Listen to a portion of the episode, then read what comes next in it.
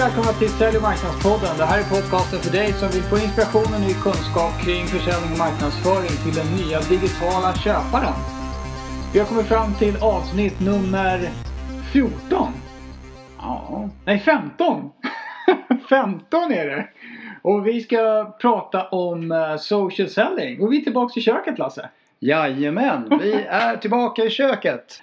Eh, jättehärligt att vara tillbaka i köket och social selling har vi pratat om tidigare. Det har vi Anders. gjort. Nu tänkte vi gå in lite grann på djupet och eh, prata mer praktiskt om hur det går till. Just det, det är det vi ska göra. Mm. Eh, Men vi kanske ska sätta lyssnare som inte har varit med på Sälj marknadspodden lite grann på banan först. Varför man ska hålla på med eller hur tänkte du? Ja, precis. Eh, Det här med att vi pratar om att vi ska hjälpa den moderna digitala köparen på en eh, köpresa. Just det. Eh, Och eh, att vi jobbar mycket med att skapa relevant content för dem. Mm. eh, som hjälper dem framåt på den här köpresan. Och att vi jobbar aktivt med det som kallas för content marketing Ja, för att driva det här. just det. Promotar och publicerar content Ja. som hjälper köpare framåt. Ja, och det är ett svar på det, det faktum att köparna har makten. De har tillgång till massa digital information och de kan välja och vraka. Och de eh, är väldigt kallsinnigt inställda till reklam. Exakt. Eh, och alltihopa det här handlar ju om att sätta sig i köparens position Ja, och tänka utifrån och in. Ja, ju mer man ska vara extremt intresserad av köparen. Jag läste en bloggpost och där stod det man måste vara helt Helt eh, superintresserad av vad köparen vill och vad köparna gör och hur de eh, vill ehm, ta till sig både information och produkter och tjänster. Exakt. Och själva grundprincipen här är ju exakt densamma. Oavsett om vi pratar marketingdrivna saker eller som vi ska prata om idag när det handlar om sälj. Ja, det är olika sätt att utföra samma sak på beroende på vilka, vilken kompetens och vilka verktyg man har till sitt förfogande. Marknad jobbar med content marketing och eh, jobbar kanske till en större målgrupp eh, och mer Ja, jobbar mer med volym helt enkelt men har bra koll på grejerna i, i olika system och så. Medan säljarna jobbar mer inriktat får man väl säga. Men Exakt. med samma grund. Ja, och grundtänket är ju också här att, eh, att marknad ska kunna driva den här eh, processen effektivt och hjälpa köparna framåt och lämna över till sälj vid ett visst givet eh, tillfälle när det är relevant för sälj att komma in. Ja, Eh, och eh, då tar de vid och fortsätter att hjälpa köparna och driver det här mot affär. just det. Eh, Men det är ju också så att eh, man eh, kan som säljare vara med redan från början och trigga igång hela den här processen. Mm. Precis som marknad gör. Fast Ja. man gör det själv personligen som säljare. Ja, Eh, Och på det sättet så att säga stöttar en köpares köpprocess eh, på olika sätt och vis. Man kan ju tänka sig för att ta lite traditionella begrepp om man säger att man har ett antal target accounts som säljarna ska ha råkoll på och eh, jobba väldigt nära. Då kan man ju tänka sig att de fokuserar sina, sina, sitt contentarbete eller sin social selling på dem. Medan marknad jobbar då med eh, längre ner i pyramiden med betydligt fler konton. Till exempel så ska man kunna organisera det hela så. Eh, Och det jag tycker är speciellt intressant med det här det är ju just det att, att marknad eh, kan bli effektivare. Mm. Eh, marknad kan göra sälj effektivare. Mm. Och sälj kan dessutom bli mycket effektivare. Och kan man kombinera de här sakerna kan man få väldigt spännande effekter. Ja, Bra! Ska vi eh, ge oss in på det här då? Men jag tror att innan vi börjar prata om eh, tekniker och tips om hur eh, social-säljaren faktiskt jobbar. Mm. Så tror jag vi behöver prata lite mer om hur den här social-säljaren i, säljaren i grunden faktiskt behöver vara. Ja, faktiskt. Det är ju beteende och inställning som ligger till grund för den här nya sättet att jobba och sen finns det ju bra digitala verktyg för att exekvera på det helt enkelt. Exakt, och det finns en eh, väldigt intressant undersökning som är gjord av våra kompisar Corporate Executive Board. Som har gjort andra spännande undersökningar som vi har pratat om i andra avsnitt. Eh, Den här undersökningen den tar utgångspunkt i, eh, i köparna. Eh, och man har helt enkelt intervjuat en stor mängd eh, B2B-köpare och frågat dem hur de ser på den moderna säljaren, hur den moderna säljaren bör vara, hur den moderna säljaren bör fungera. Eh, det finns väldigt mycket fakta bakom det här kopplat till den undersökningen. Och den stora slutsatsen av den här undersökningen är verkligen att den här moderna säljaren ska komma med idéer Mm. eh, till köparen. Och inte sitta och göra långrandiga behovsanalyser och sådana saker utan direkt kunna så mycket om kundens eh, förutsättningar och möjligheter att man kan plantera en idé, Mm. sälja in en idé. Eh, och eh, sen jobba med kunden i att vidareutveckla den och Mm. hjälpa kunden sen framåt då mot hur man faktiskt kan hantera och lösa den där idén på ett strukturerat sätt. Ja, man måste, ju, man måste ju vara kompetent på ett annat sätt kan man säga. För man, man ska redan när man går in och sätter sig i mötet med kund ha, kunden, ha behovsinsikt om vad kunden behöver för någonting. Det, det går inte att börja med en, med en behovsanalys. Då har man ingenting där att göra. Utan man ska ha en idé om hur kunden ska utveckla och lösa, lösa sitt eh, problem då. Helst på ett sätt som kunden inte har tänkt på själv kanske. Men som är Exakt. trovärdigt. Och det här kommer man inse nu eh, när vi börjar prata mer om hur man praktiskt gör det här eh, Ja. sen. Eh, att det här blir väldigt viktigt. Mm. Men vi levererar ett boktips. Snabbt med ögat. Den här undersökningen finns nämligen sammanfattad i en bok som heter The Challenger Sale. Och den är då skriven av en kille som heter, eller två killar som heter Matthew Dixon och Brent Adamson. Men eh, de har fått hjälp av en eh, känd man också. Eh, och den här kände mannen, han heter Neil Rackham. Mm. Det var han som kom fram med det här med spin selling och har legat bakom mycket av solution sellings idéer. Just det. Så det är en vidareutveckling på det. Vi har ju oftast sagt att man kan i princip att det är dött och man kan slänga ut solution selling. Men det här är ju en, säga, en evolution på Exakt. det området. Så är det. Så att, Det är så här, ehm, och alla i vår ålder, eller hur? När vi säger att det är boktips, då börjar alla tänka på den här soffan i massa färger och den här härliga Aha. signaturmelodin. Ja, vi ska inte köra den nu Albert. Nej, det där vi... var faktiskt anslagstavlan. Var det? Ja. Förlåt. ninna, ninna, ninna, ja. ursäkta alla dessa sidospår och pinsamheter. vi klipper bort det sen. Vi klipper bort det sen. Eh, ja, just det. Eh, och då, då är det väl så här att eh, eh, hur ska man då tänka om man ska bli en sån här social selling expert? Eh, och man har med sig det här som eh, finns med i den här boken som vi precis pratade om. Eh, då bygger allting i grunden på att man måste skapa sig en profil och ett digitalt eh, varumärke. Ja. Och där måste man börja. Det finns inte så mycket genvägar till det. Man ska bli framgångsrik. Sen blir det att utveckla sitt nätverk. Mm. Utan ett nätverk kommer man ingen vart. Nej, vi måste få spridning på grejerna. Och eh, sen måste man bygga kunskap. Samla på sig kunskap. Eh, och det är ju naturligtvis eh, egen kunskap, bolagets kunskap, andras kunskap. Ja, man brukar säga att bra säljare har stora öron. Det här är en helt ny typ av lyssning. Mm, exakt. Och det får man jobba med ganska strukturerat. Sen sätter man igång och sprida det här. Ja. Man sprider andras idéer, man sprider sina egna idéer och man sprider andras kunskap, sina egna kunskaper för att hjälpa köparen framåt. Ja. Och det är naturligtvis så att man också vill konvertera över det här naturligtvis till en riktig affärsdialog eh, på olika sätt. Så är det ju. Det är ju det kniviga steget. Det, det går bra att ge bort saker så att säga. Men man måste ju göra det som, på ett sätt som till syvende och sist leder till en affärsdiskussion. Så är det. Det är lite Maslows behovstrappa över det här. Det är fem steg, man måste igenom dem och eh, man måste ta, tackla det ganska strukturerat. Ja. Eh, ska vi börja med det här med profilen då? Eller du innan vi börjar med det där. Mm. Eh, nu ska vi prata mycket om LinkedIn, eller hur? Ja, just det. Eh, det ska vi inte glömma bort. Mm. Eh, egentligen hela den här diskussionen kommer i stort sett kretsa kring LinkedIn. Ja, det finns ju flera verktyg som kan hjälpa den här social selling-personen på, på vägen. Men jag tycker att ett väldigt bra ställe att börja det är ju LinkedIn eftersom det finns eh, många köpare där helt enkelt. Och LinkedIn är ju, har ju, de har, för en ganska avancerad diskussion kring hur man ska kunna använda deras verktyg för just att hitta nya kunder och sälja och så här. Det är ju någonting som de vill och strävar efter och ständigt kommer med nya funktioner för att det ska bli bättre och bättre. Precis, LinkedIn är ju ett rekryteringsverktyg, det är ett marknadsföringsverktyg Mm. och det är ett säljverktyg Ja, eh, i mångt och mycket. Mm. Eh, och en fantastisk informationskanal för vem som helst. ja det är det. Eh, ska man bli framgångsrik så behöver man alltså lära sig och bekanta sig med LinkedIn och det är det mycket vi kommer hjälpa kring idag. Eh, det vi ska säga då att eh, jag tror att de allra flesta känner till att det finns en webbversion såklart. Eh, Mm. Men man ska inte förglömma appen. Nej, appen är bra. Jag har pratat med många som kan tycka att den är lite sådär den här appen men själv gillar jag den. Det tar lite tid att komma in i den. Man behöver vänja sig och jobba med den. Det är väl alltid lite tyck och smak. Ja, så är det. Men den är bra för de där små alerts och så. När man, man, man ja, sitter och pillar med mobilen som med allt annat. Det, det, det är ju klart begränsad funktionalitet. Till exempel kan man inte göra hide på vissa saker i sin, i sitt flöde på mobilen. Vilket är trist. Det skulle man väl kunna göra. Det kan man bara göra på datorn än så länge. Och jag tror också varför rekommendationen just kring den här appen är väldigt viktig. Att man eh, sätter sig in i den och bekantar sig kring den. Det är för att börjar man jobba med det här mer aktivt då kommer man att eh, vilja ha tillgång till de här grejerna hela Ja. tiden. Ja. Och då behöver man appen. Ja. Annars så får man det inte att fungera skulle jag säga. Eh, bra. Men du, eh, det här med eh, profilen då? Eh, Mm. och bygga det digitala Ja, varumärket. ja, men det är väl fortfarande så. De har ju en himla massa medlemmar på LinkedIn. Och jag tror att merparten av dem har fortfarande, det, det man kan se LinkedIn som en stor CV-kyrkogård.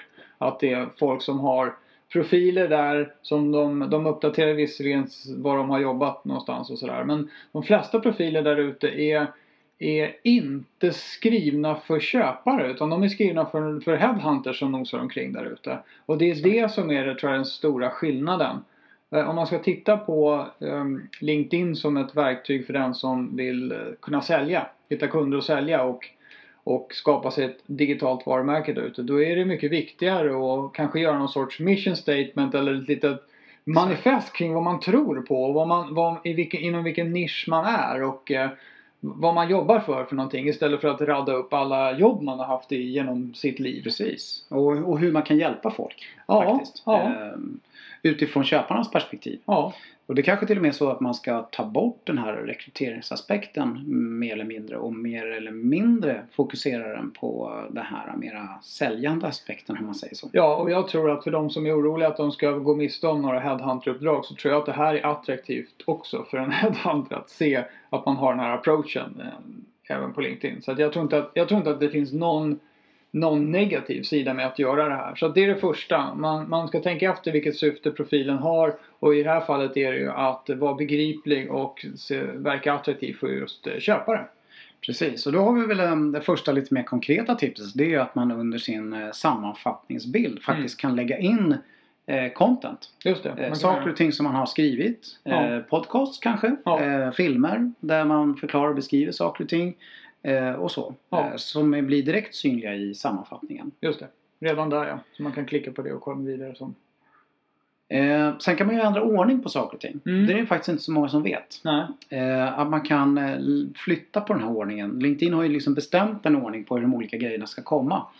Och har man då, använder man många av de här sakerna man kan faktiskt fylla i här då, så blir det en rätt lång slips. Ja. Eh, och, och då kan man tänka på att eh, flytta runt det där lite grann. Så att man får de grejerna som är mer relevanta utifrån det här syftet då med att eh, det användas som ett säljverktyg. Ja. Än eh, vad som är relevant utifrån rekryteringsperspektivet. Ja, flytta ner alla gamla jobb till exempel. Ja. upp med kompetens. Och om man har lagt till projekt till exempel på, på LinkedIn. Som man, projekt som man har varit med i. Då kan det vara bra att ha dem högt upp. För det är väl en, det, är, det blir en sån som case studies då. Ja, nu nämner du det här med projekt, vilket Mm. jag tycker är en väldigt intressant aspekt faktiskt som man absolut bör lägga till Mm. om man ska jobba med LinkedIn utifrån ett eh, social selling perspektiv. Mm. För där kan man ju beskriva projekt man har eh, varit med i. Ja. Eh, Och som säljare kan det ju vara väldigt många intressanta projekt man har varit med i och sålt in och tagit del utav. Ja. Eh, Är man konsult kanske det är mer uppenbart men, men här finns säkert jättemycket för säljare också att ta fram som är väldigt värdefullt för en, ja, en köpare Ja. att förstå. Och det man ska tänka på när man lägger upp det är naturligtvis om, så att man inte avslöjar något kundnamn som man egentligen inte ska avslöja. Det är väl det enda man ska tänka på. Sen tycker jag det kan ju vara bra att, att beskriva sina projekt så detaljerat det går. Ja. Och det här tycker jag också den här med publikationer är en bra grej. Då. Man kan eh, lägga upp publikationer eh, och ofta har man varit med och skapat olika saker eh, Mm. eller har olika saker som man väldigt gärna vill lyfta fram som är relevanta för köparna. Ja, kan man stoppa in där. just det. Bra! Ehm, så att eh, i grunden handlar det väldigt mycket om liksom att eh, det här blir nu liksom din, eh, ja, det blir inte din CV längre helt enkelt. Nej, när, när det gamla vanliga, man kan, man kan se på sitt CV på lite nytt sätt. Att det inte bara är alla jobb man har haft förut. Utan det CVt består mer och mer av det content som man producerar och sprider omkring sig. Ja, och det blir ju så sen när man börjar jobba aktivt med det och posta och publicera saker och ting att, att eh, ja, det syns ju helt enkelt. Ja, Eh, och det bygger ju på liksom eh, allt eftersom man jobbar med det. Ja. Det är inte bara det som står i själva profilen. nej.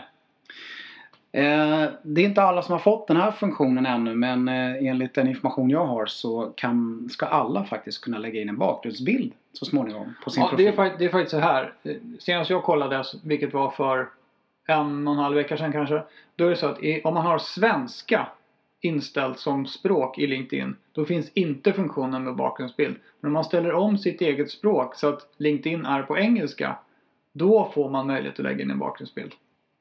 Exakt. Så är det. Bra Anders! Det, eh, det har jag gjort på Märkligt. min. Ja. Eh, och eh, jag, jag älskar segelbåtar. Eh, så att jag har lagt in eh, det på Ja. min bild. Utnyttja den möjligheten. Det kan vara ett bra sätt att, att skicka ett budskap men även att, att göra det här hela lite mer personligt. såklart. Eh, jag har ett annat litet tips på det här med varumärken på nätet Ja. som ni kan checka av, Mm. eh, kära poddlyssnare. Det finns en eh, amerikansk företeelse som kallas för How to Fascinate. Det är en sajt där man kan gå in och göra en utvärdering av sig själv.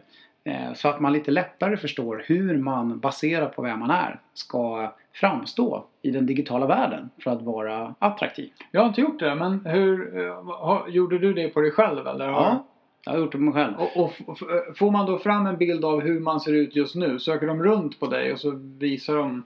Nej, inte så. Nej. Utan man får, man får helt enkelt reda på eh, genom att besvara de här enkäterna så att säga. Hur, Mm. man, eh, hur man bör Ah. framställa sig för Ah. att man ska fungera i den digitala världen. Okej. Ja. Nu ska vi inte doktorera i detta. Ja, men det låter kul. Checka ut den. Ja, vi, får, vi, lägger upp, eh, vi lägger upp länken på eh, i show notes. Absolut. How to fascinate. Ja. Bra. Sen, eh, ja, vi pratade om inställningarna där i, i LinkedIn. Vi kan inte gå igenom alla dem på podden. Det blir ruskigt långtråkigt att lyssna på. Men det finns en massa inställningar um, om hur man ska kommunicera och, och uh, vilka alerts man ska ha och vad man vill ska synas om en och så vidare. Så, så det är väl också ett sånt här tips. Gå igenom, klicka igenom varenda inställning där och se till att de, de är inställda på det sätt som du tycker verkar bäst. Ja, och framförallt eh, titta på några inställningar som handlar om hur det du gör syns. Ja, Och där ska du då ställa upp det där så att eh, du verkligen syns. Både du syns och det du gör syns. Ja. Men det är lite grann det det hela går ut på. Ja. Det gäller att synas så mycket som möjligt här faktiskt. Mm. Och det finns några viktiga inställningar där som det gäller att ha, eh, ställa på rätt sätt. Mm. Så titta specifikt på dem. Sen skulle jag vilja tipsa om man är under den menyn ändå springer runt. Där inställningarna finns längst bort till höger. Mm. Under den lilla bilden. Mm. Så har de faktiskt en väldigt bra hjälp. Mm. Eh, använd den. Eh, det går lätt och bra att söka i den. Man får ofta bra, ganska kortfattad hjälp snabbt. Mm. Och eh, de, eh, de har också en bra blogg faktiskt som man Ja. kan följa. Eh, och den hittar man lite gömt längst nere till vänster i hjälpfunktionen. Eh, prenumererar man på den då håller man sig väl uppdaterad på vad som händer på LinkedIn. Ja. Eh, allt är naturligtvis inte relevant utifrån det här perspektivet. Då får man sortera bort. Men det kommer en hel del bra så här, tips och tricks och nya funktioner och sånt som kan vara bra att Just, känna till. och den där bloggen har även olika kategorier så jag tror att man kan nog prenumerera per kategori också för att slippa irrelevanta grejer. Du, steg ett Anders. Nu har vi en grym profil här. Ja, det har vi. Härligt. Vad gör vi nu då? Ja, nu, nu måste man ju då se till att den syns. Och då är det ju som LinkedIn funkar som alla vet. Det handlar ju om att, att koppla upp sig mot folk och se till att man har koll på sitt nätverk. Precis. Man måste bygga ett nätverk helt enkelt. Ja. Och det, jag tror att de flesta som har LinkedIn har väl någon något litet nätverk har man väl. Ja. Jag tycker det är bra att försöka hålla ganska hög standard på det där. Exakt. Det, så är det absolut. Man, eh, man ska ju vara ganska noga med att ha en eh, egen liten policy på eh, hur man eh, har sina, eller vilka man har Ja, som, ja, som sina kontakter. Ja, jag är ganska restriktiv. Jag, när jag får såna här out of the blue inbjudningar från folk då brukar jag så artigt det går fråga hur vi känner varandra. Och om man då kan få en rimlig förklaring på det, ja då kan man ju faktiskt koppla upp sig. Men annars så brukar jag inte göra det. Utan eh, jag vill hålla, hålla nätverket lite tight i alla fall. Mm. Jag brukar säga så här att om man träffar en person på gatan som man har i sitt nätverk ska man känna igen varandra, veta lite grann om varandra och säga hej. Mm. Eh, det handlar om att bygga sin egen liten personliga touch på det där. Men, Ja. eh, ja, bara få en känsla för hur vi gör. Ja. Vi kommer att prata lite mer om hur man eh, expanderar nätverket. Hur Mm. man använder LinkedIn för att göra det aktivt. För det är en väldigt viktig bit. Ja. Eh, Det som däremot är viktigt innan du drar igång och expanderar det här väldigt mycket. Det är att fundera lite grann på hur man taggar dem. Eller skapar segment av dem. Ja.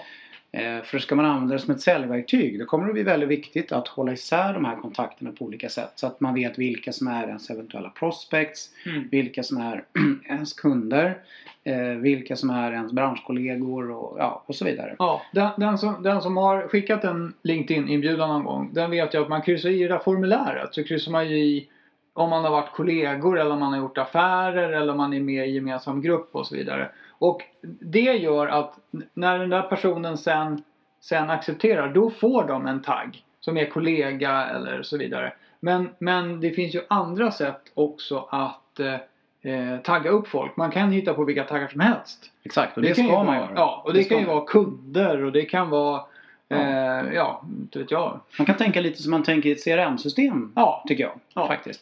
Så skapa taggar eh, och gör det i ett tidigt skede. Ja. eh, Som du känner att du vill sortera dina kontakter utifrån. Därför det är som sagt jätteviktigt sen när du ska börja jobba ut, utgående så att säga. utåtrikt, ja, eh, utåtriktat då eh, Ja. med saker och ting. För att då kan du eh, styra det Ja. helt enkelt. Just det, då kan, man, då kan man söka på alla med en viss tagg och så kan man eh, ja, man kan ju mejla dem. Precis. Ja. Så tagga, tagga kontakterna från början. Ja. Hitta en taggningsstruktur. Ja. Och eh, jobba med att hålla ordning på det där. Ja. Man, har, ju- man har ju gamla klasspolare och man har gamla kollegor och, och man har, ja. Så det, det, går, det är mycket bättre att ha dem där i olika högar. Bra, då ska vi se. Eh, en sak som är grunden i det här med att bygga nätverk. Mm. Det är ju just att man länkar efter ett bra möte. Ja, Om man det har den här relationen och Ja, kontakten. det, det tycker jag också. Jag, vad, vi kör ju såna här utbildningar i social selling och på den, som jag körde senast då hade vi diskussion kring det där. Mm. För, det, för det är ju vissa, vissa möten man inte vill gå ut med kanske officiellt. Så att man ska bara tänka Mm. på, jag, jag håller med grundprincipen, om man träffar folk så ska man länka. Men är man inne på ett superhett prospect och pratar affärer och, och känner att det finns en liten risk att konkurrenterna ska hoppa på eller se någonting eh, om att man länkar upp sig. Då så ska man ju vara lite restriktiv med det. Eh, tycker jag. Jag hörde ett exempel en gång att det var VDn på ett börsnoterat bolag som efter möte med, med jag tror det var Private Equity som skulle köpa ut bolaget från börsen fick en LinkedIn-inbjudan från en kille på equitybolaget. Och det kanske inte är superbra för, för börskursen om, om eh, han skulle acceptera den då och det basuneras ut att de snackar. Nej. Så att man kan tänka lite grann på det. Det är den enda reservationen. Ja, det är bra. Men annars är det en väldigt bra källa till att bygga sitt nätverk. Att man Absolut. jobbar, jobbar efter fysiska möten helt absolut. enkelt. Det, så är det. Eh, och eh, ja, sen när man då bjuder in, Mm. eh, tycker jag, ska vi nämna. Det, då tycker jag det är väldigt viktigt att man är ganska tydlig med varför man vill ha den här kopplingen och eh, i den här inbjudan helt enkelt. Ja, det, det tycker jag också. Inte bara Ta kännemorsning och skicka in- den egna standardgrejen. Nej, Nej. ta inte den där standardgrejen. Jag, Nej, jag värdesätter att ha det i mitt vännät. Ja, vad det nu är. Den är ingen bra. Nej. Bort med den. Utan lite mer sådär vad det handlar om och varför och, och vad, man kan, vad, vad det här kan bidra med och vad det Ja. kan hjälpa folk med och vad man, vad man liksom, ja, för till bordet. Ja. Eh, det är bra. Annars är det people you may know. Eh, jag vet faktiskt inte vad det heter på svenska för jag kör så mycket. Människor du kanske känner. Heter den så? Eventuellt. Nej, jag har aldrig sett. Jag, har- jag har inte tänkt på vad det Jo, men du kanske. Jo, men det är nog det. Ja, Mm. Personer du kanske känner. Ja, man hittar den på flera ställen i alla fall. Och den brukar ju eh, ploppa upp lite överallt. Så fort man gör någonting så ploppar det upp en lista. Det jag tycker är att den, den är viktig att gå in i lite då och då och sitta och flippa och leta i. Därför att man får väldigt mycket bra förslag tycker jag. Mm. Det dyker ofta upp någonting, någon som man har missat. Mm. Trots att man har gjort det många, många gånger. Och det, det är när man tillför nya kontakter till nätverket så känner ju LinkedIn eh, av att eh, det finns andra personer som är relevanta kring den här personen. Och det är ofta så att det kan vara någon som dyker upp där som faktiskt borde vara i ens nätverk som Ja. man har missat. Så att eh, den är bra. Den, eh, den funkar. Mm. Bra Ja. jobbat där LinkedIn. Ja, Alltså. verkligen. Ehm, du, sen har vi det här med sökningar. Mm, just det. Vi, eh, om, man, om man skaffar sig ett sånt här betalkonto. Vi, vad, vi har sales... Ja, jag har ju eh, Basic och du har den här lite dyrare varianten. Har jag det? Ja, det har Ja, du. i alla fall någon sorts, någon sorts sälj, säljlicenser. Det finns ju rekryteringslicenser. Men om man har den här säljlicensen då dyker det upp en, en grej under avancerad sökning som eh, heter Leadbuilder Och där kan man, där kan man då söka på titlar och, och befattningar, alltså yrkesnivå och, och befattningar och, och storlek på företag och såna här saker och, och branscher och orter och allt möjligt. Och så kan man spara de där sökningarna så gör LinkedIn en sån sökning varje vecka och så får man ett mail med föreslagna kontakter då. Eh, som, som man skulle kunna tänkas vara potentiella prospects. Och det är ju inte alls dumt. Och den, när man får det där mejlet och tittar i listan så kan man sortera dem på om det råkar vara några av ens första kontakter som man redan har kontakt med som är potentiellt lead utifrån det sökkriterium man har satt upp. Eh, Eller om det, så tar man bort dem och så kör man bara andrahandskontakter och då det trevliga med dem är ju att man har ju garanterat en gemensam bekant med dem. Ja. Så det kan ju vara en bra ingång. Ja, det, man kan använda det här på väldigt många olika sätt faktiskt i Mm. säljsyftet. För att bevaka olika saker man vill bevaka. Ja. Och eh, också för att tillföra nya kontakter till ens nätverk.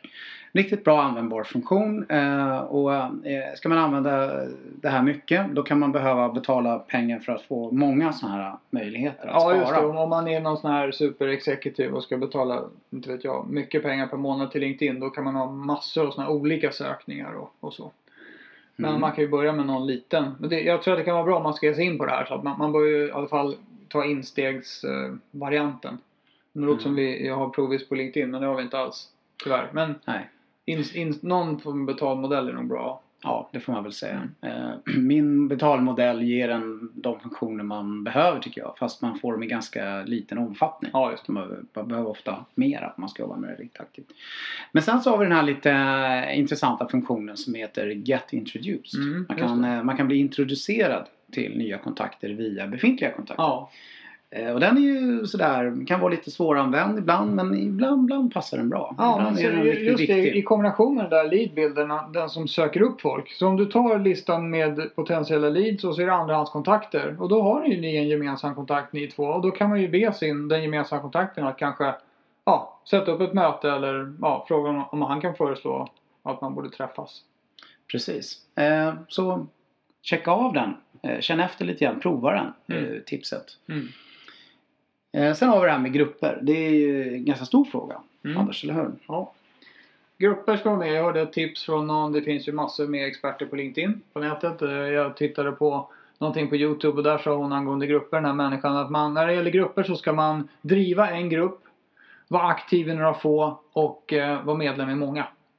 Det var hennes lilla pyramid där för att eh, det här med grupper. Och, och att dra igång en egen grupp kan ju vara en, en ganska stor grej skulle jag säga. Men eh, följ då, innan man gör det så kan man väl ta de två andra. Att vara medlem i, i många grupper som, har, som är relevanta för dig och sen så vara aktiv i ett fåtal av dem. Ja. Jag tycker att eh, på många av de utbildningar som jag har varit med och hållit så är folk skeptiska där med grupper men eh, de har eh, hög förväntan och eh, förhoppning om att det ska kunna bidra men de har inte nyttjat det så mycket eh, och, och, och sett funktionen kring det.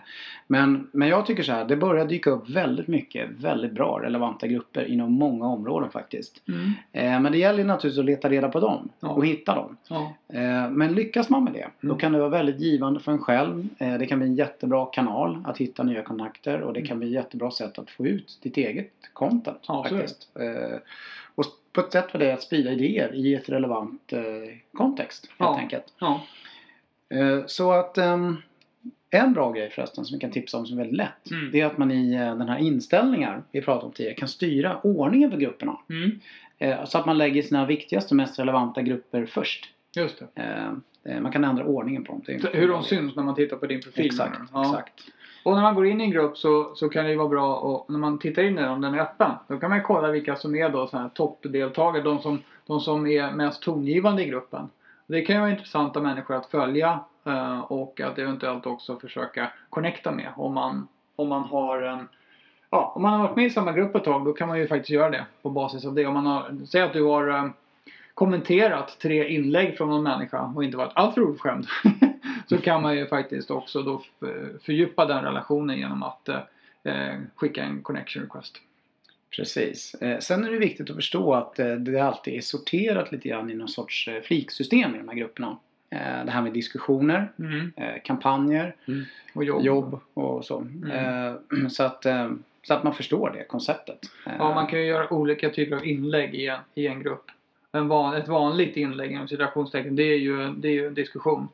Och sen så blir det då mer om man ska försöka sälja på folk någonting eller marknadsföra någonting väldigt specifikt. Då är ju det en sån här promotion och sen så kan det vara eh, ett, ett jobberbjudande som man skickar ut. När man söker folk kan man posta det i grupper.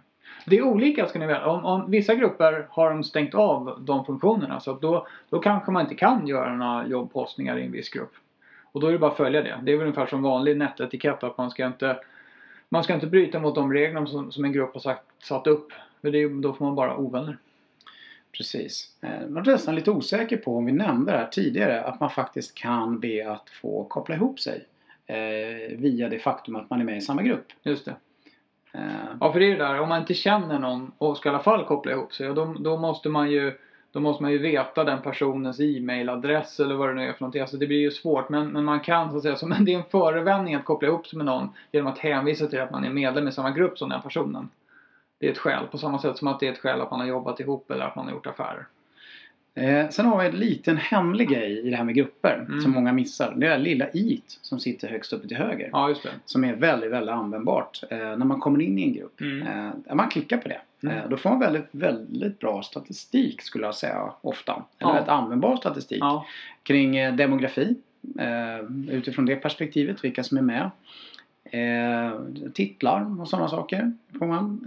Hur gruppen växer och så. Ja. Aktivitetsnivåer och sådana saker. ja. Eh, som eh, ger en väldigt snabb och bra bild över om det här är en relevant grupp eller inte. Just det. Får den fler och fler medlemmar eller har planat ut? eh, Och hur många inlägg är det? Hur många diskussioner pågår? och Så det kan man se där. Ja, nu är det dags att prata flöde, Mm. eller hur? Eh, om man klickar på sin eh, Home, Ja. eh, där har man ju sitt flöde.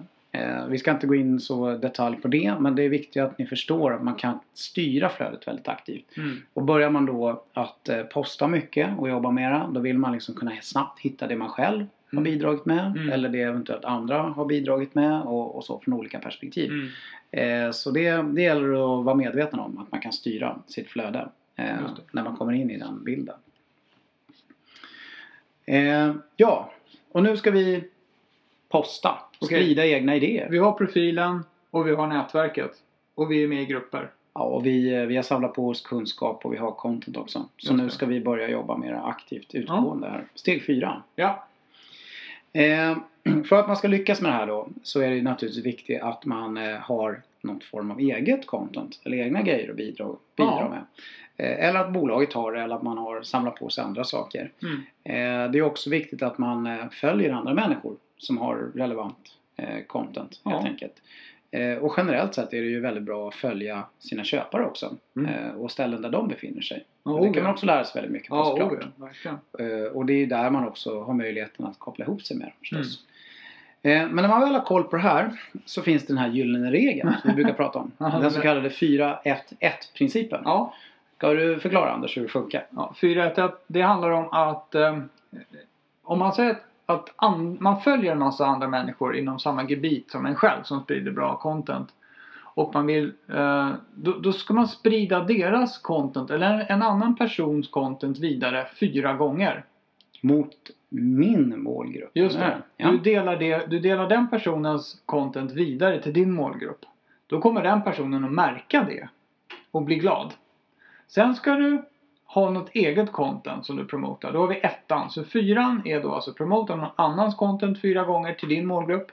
Sen kommer första ettan, promota ditt eget. Och sen kommer en etta till, tala om vad du gör och vad du, vad du är bra på, vad du erbjuder för någonting. Och så gör du det här. Och det intressanta blir ju då när du har delat andras Mm. och andra ser att du har bra content. Mm.